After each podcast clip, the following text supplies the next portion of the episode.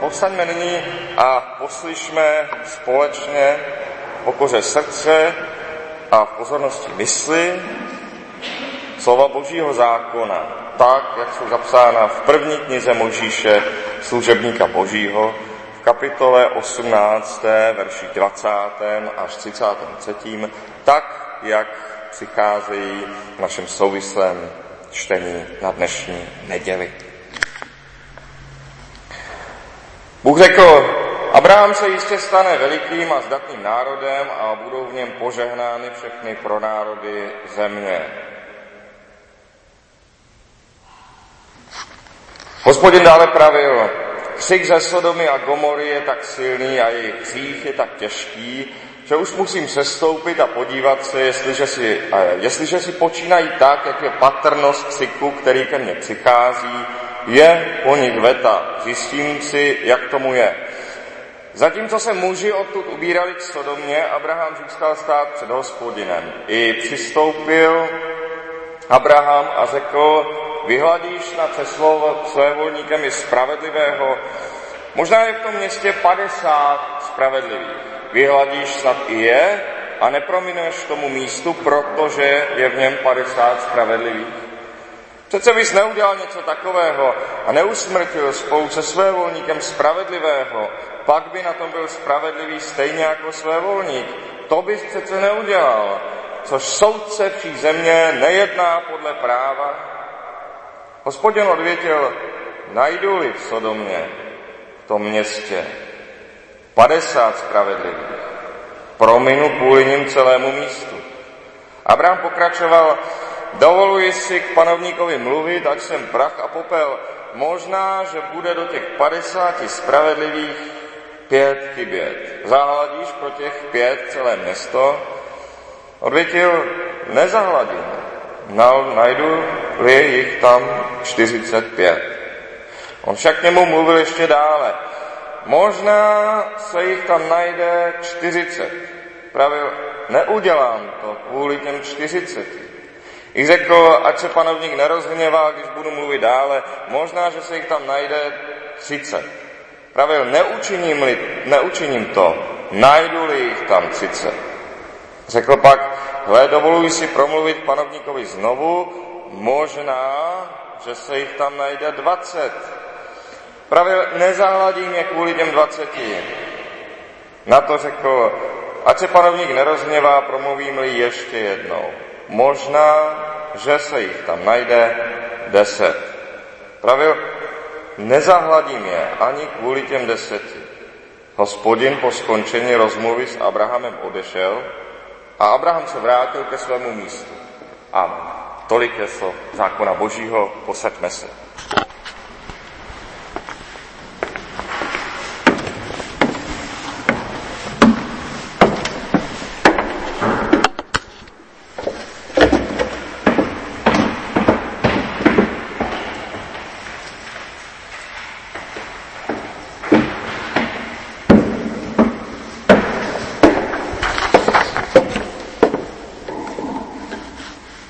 Minule, minulém kázání jsme Abrahama doporučili, protože si nepřeje zkázu Sodomy, nevolá jen do toho vyhlaď to město, protože, jak jsme opět řekli minule, pokud mohou lidé takto špatně skončit jako Sodoma, kde je řečeno, že my nejsme na stejné cestě. Konec konců, jak jsme opět řekli minule, Bůh Abrahamovi prozradil, že zničí Sodomu právě proto, aby učil své potomstvo, tedy i nás, aby nedopadlo stejně. Takže by tak mohlo dopadnout. My bychom tak mohli dopadnout. Jako pravý prorok ví Abraham, že nese osud těch, kterým prorokuje. Ostatně jako sám Kristus kázal, aby pak nesl spolu s námi a za nás náš trest. A dodejme, co by člověka možná hned nenapadlo, toto je první přimluvná modlitba v Biblii. Tato Abrahamova řeč s hospodinem je vůbec první přímluvná modlitba v Biblii. A hned je to modlitba za ty nejhorší, ovšem blízké lidi. Za ty nejhorší lidi, ovšem lidi, kteří jsou velmi blízko Abrahamovi. A jeho synovec Lot bydlí uprostřed nich. Abraham totiž ví, že hřích jsou spojité nádoby. Hřích jeho plání a luk není nějaké jiné podstaty než hřích města. Podobně jako hřích lenosti není menší než hřích bujnosti, hřích zbabilosti není lehčí než hřích troufalosti. Hřích toho, že člověk neudělá něco dobrého, co udělat má, není menší, než když člověk udělá něco, co udělat ne, nemá. A hřích v soukromí není lehčí než hřích v politice, na veřejnosti. Hřích chudáka není lehčí než hřích boháče. Za hříšné se máme přimlouvat tedy ve vlastním zájmu, s ohledem na vlastní hřích. Protože, tak Abraham smýšlí, je příkladem a proto je jeho modlitba příkladem. Na druhou stranu, na druhou stranu, na první přímluvu v Bibli zní ta slova velmi troufale. Přece bys neudělal něco takového a neusmrtil spolu se svévolníkem spravedlivého. Pak by na tom byl spravedlivý stejně jako svévolník. To bys přece neudělal. Což soudce vší země nejedná podle práva.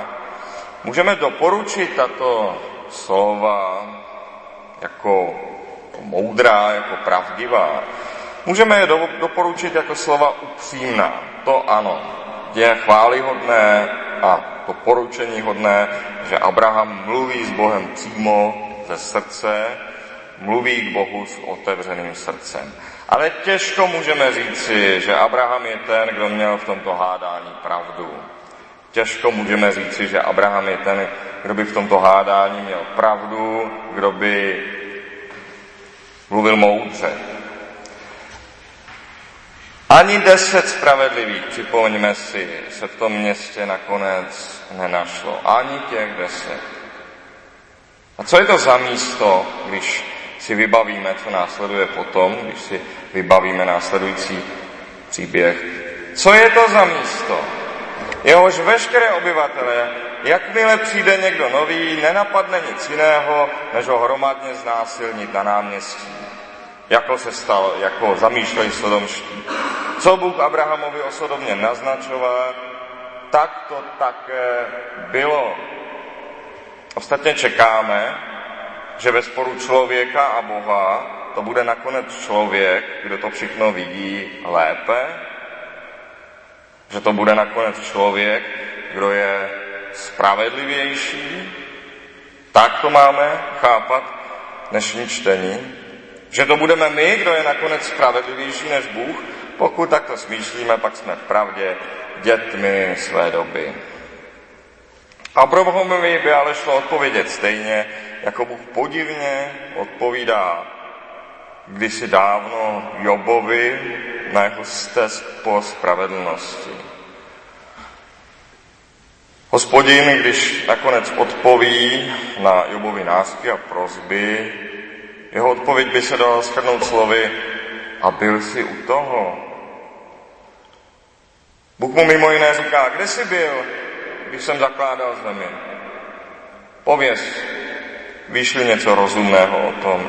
Když kdo stanovil její rozměry, kdo nad ní natáhl měřící šňůru, do čeho jsou zapuštěny její podstavce, kdo kladl její úhelný kámen, zatímco jicní hvězdy společně plesaly a všichni synové boží propukli v hlavu.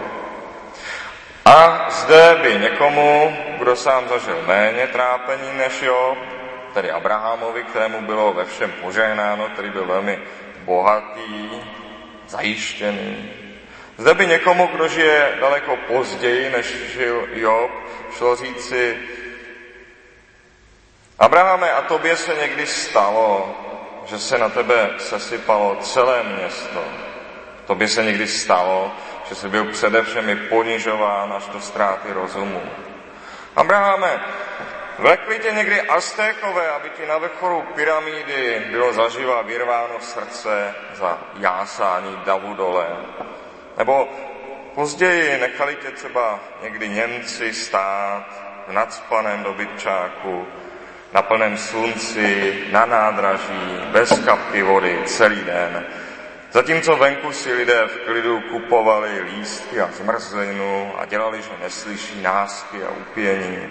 Nebo zahrnuli tě někdy Japonci do svých válečných pokusů, polevali tě někdy kyselinou, nebo tloukli tě někdy v Číně uprostřed třídy vlastní žáci, které si předtím učil od dětství, jako tomu bylo v Číně za kulturní revoluce v 60. letech. Byl jsi u toho, Abraháme? Pověz mi něco o tom.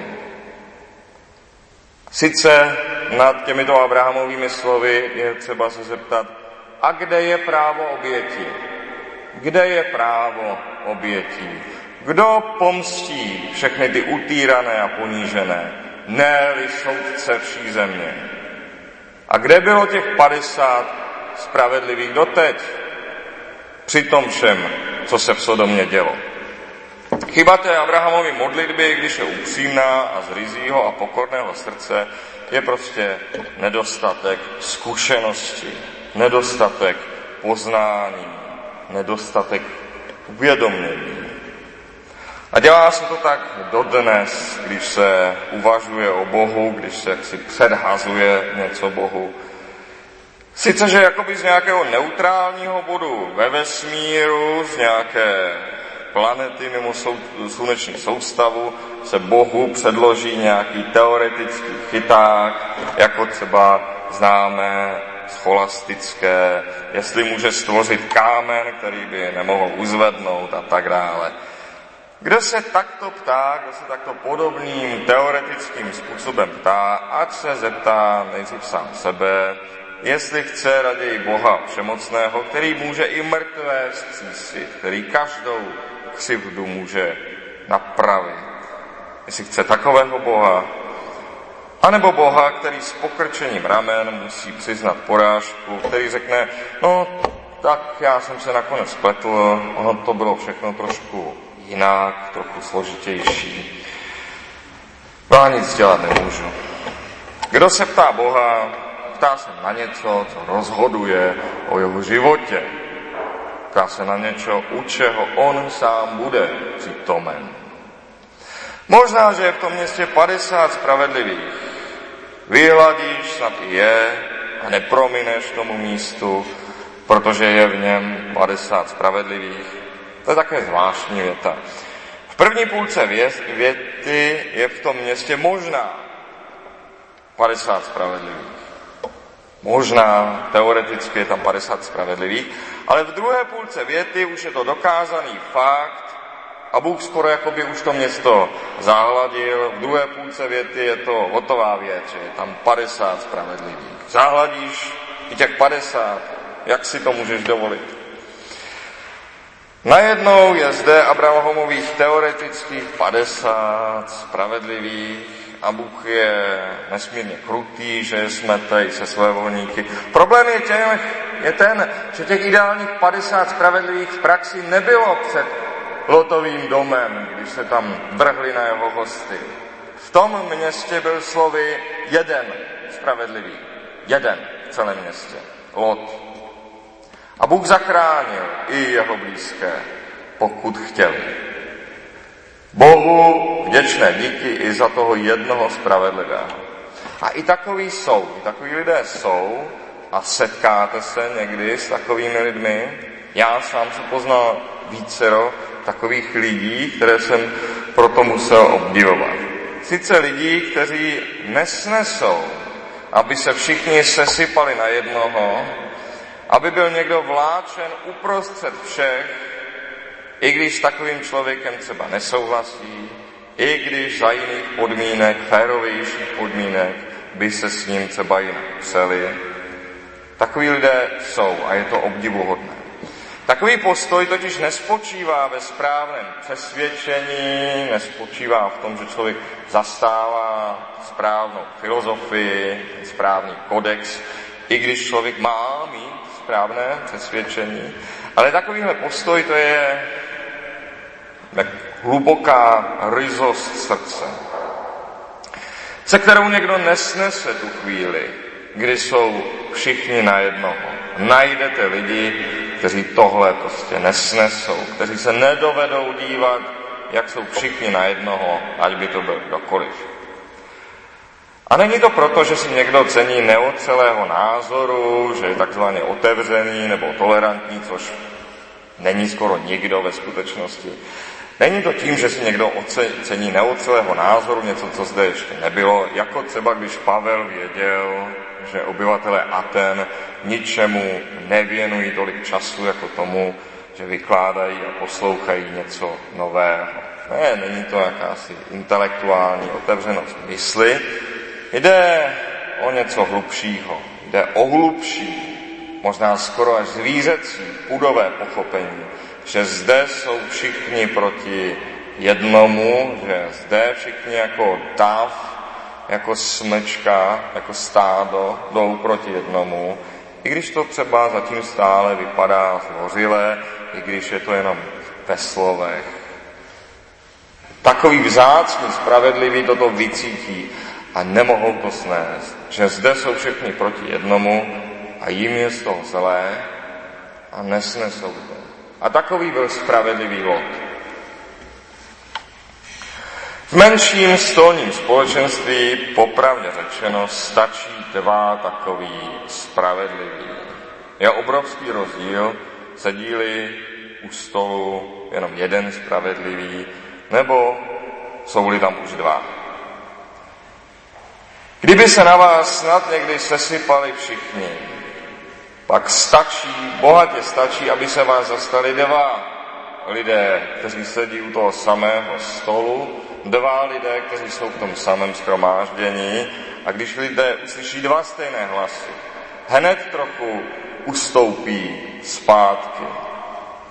Musím říct, že jsem to viděl mnohokrát. Lot, jak později uvidíme, byl sám. Byl sám spravedlivý v celé Sodomě. Jeho skutek je skutek víry, ale situaci to bohužel nezachrání, nezvrátí. to dva odpůrci nepravosti už skutečně dovedou hledat, co odvrátit. Člověk si toho může všimnout, může to pozorovat ve předním životě. Dva odpůrci nepravosti už dovedou hledat, co odvrátit, alespoň na čas. Proto se asi ve zjevení mluví o těch dvou záhadných prorocích. Čteme tam, to jsou ty dvě olivy a ty dva svícny, které stojí před pánem země. A kdyby jim chtěl někdo ublížit, vyšlehne oheň z jejich úst a sežehne jejich nepřátelé. Tak to zahyne každý, kdo by jim chtěl ublížit. Ti dva světkové mají moc uzavřít nebesa, aby nebylo deště za dnů jejich prorokování a mají moc proměnit vody v krev a sužovat zemi všemi možnými pohromami, kdykoliv budou chtít. Pouze dva obdaření takový, takovou mocí. Dva lidé, kteří se dovedou zcela shodnout proti většině, mají schopnost téměř převrátit celý svět. Je to nečekaná síla. Téměř, jak dále čteme, mohou jaksi téměř za, si převrátit věci, téměř mohou zabránit králování z vůle. Ale jenom téměř, protože dále čteme, jejich těla zůstanou ležet na náměstí toho velikého města, které se obrazně nazývá Sodoma a Egypt, kde byl také ukřižován jejich pán. Lidé ze všech národů, čeledí, jazyků a kmenů budou hledět tři a půl dne na jejich mrtvá těla a nedovolí je pochovat. Obyvatele země budou z toho mít radost, budou jásat a navzájem si posílat dary, protože tito dva proroci jim nedopřáli klidu. Dva, i když přinesli čest a slávu Bohu, nakonec běh světa nezvrátí. Přesto mohou někomu ušetřit chvíli beznadějného ponížení a to se cení. Dva už se mohou účinně zastat. Deset takových, pokud jim skutečně půjde o spravedlnost, nikoli o to, aby jeden ve srovnání s druhým vypadali co nejlépe v očích světa. Deset spravedlivých zachrání věc s přehledem, bezpečně. Zvláštní je to číslo deset. I když nevíme, kolik bylo obyvatel Sodomy, určitě jich nebylo, nebylo jenom sto, nevíme. A přesto se v mnoha studiích stále znovu objevuje, že 10% jednotných a přesvědčených obyvatel dovede dát tvář celé společnosti. Je, to, je na to mnoho studií, mnohokrát se s tím historikové, sociologové zabývali, že 10% jednotných přesvědčených lidí dovede dát tvář celé společnosti. Velmi zásadní proměny.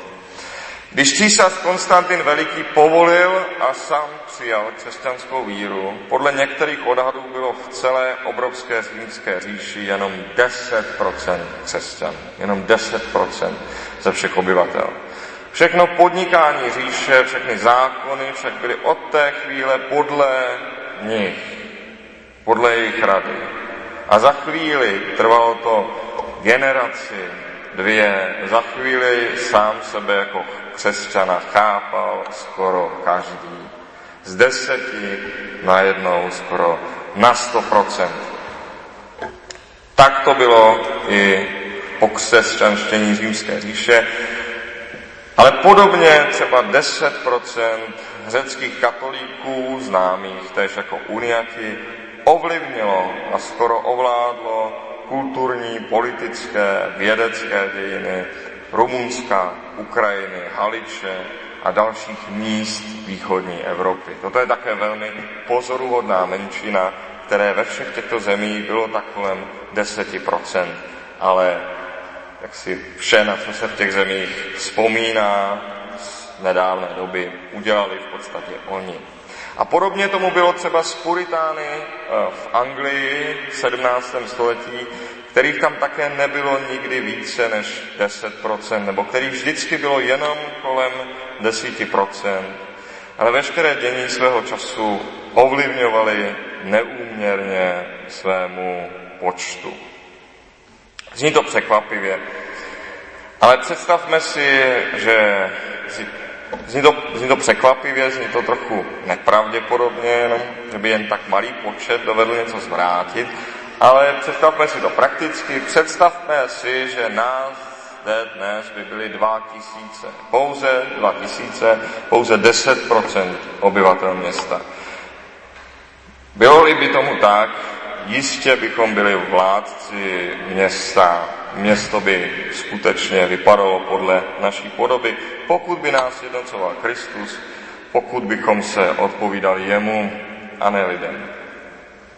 Ale když nemáte těch deset, řekneme si realisticky, už toho moc nezměníte. Když nemáte těch deset, už toho moc nezměníte. Můžete spíš jenom zachránit jednoho, dva další, když jsou davem smíkáni blátem, jako to udělal spravedlivý Lot.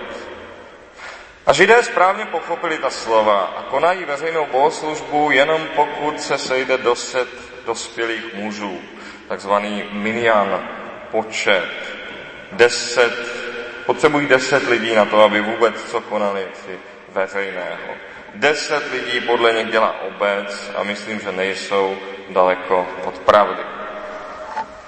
Zbývá nám tedy, že v tomto hádání nikoli Abraham, nikoli člověk, nikoli my, nikoli náš pohled, ale hospodin Bůh je vítěz. Ví dopředu, že 50 spravedlivých by jistě fungovalo. To by určitě to město zachránilo. Určitě by nezahladil to město, kdyby tam bylo 50 spravedlivých. Ale sodobně nejsou. Až nás zde, bratři a sestry, bude 50, nechci zde mluvit s nepatřičnou jistotou, ale kdyby nás zde bylo 50, už si snad nebudu ani nic dalšího psát pokud se týče svého práce, svého díla. To by mi jako cíl stačilo. Je to jistě možné, může to tak v budoucnu být, teď to tak není. Do desíti má věc smysl a schromáždění deseti možná nepromění, ale stále zachrání město. Možná doslova deset spravedlivých v městě zachrání město. Tam, kde není ani deset lidí, kteří by si zastali práva, tam už je na místě pouze nedopustit to nejhorší ve svém okolí. Tam se ještě něco málo dá udělat. Tam je, jde nedopustit bezpráví, to nejhorší ve svém okolí, pomoci jednomu, dvěma a pak utéct si, jako lot, protože je, je vše ztraceno. Bůh zcela jistě pomstí všechny ponižované a ukřivděné. To je zcela jisté. Bůh pomstí všechny ponižované a ukřivděné. Ono může učinit a učiní. Proto zde měl pravdu on a ne Abraham.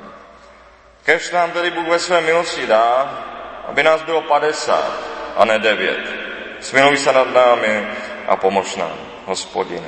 Amen.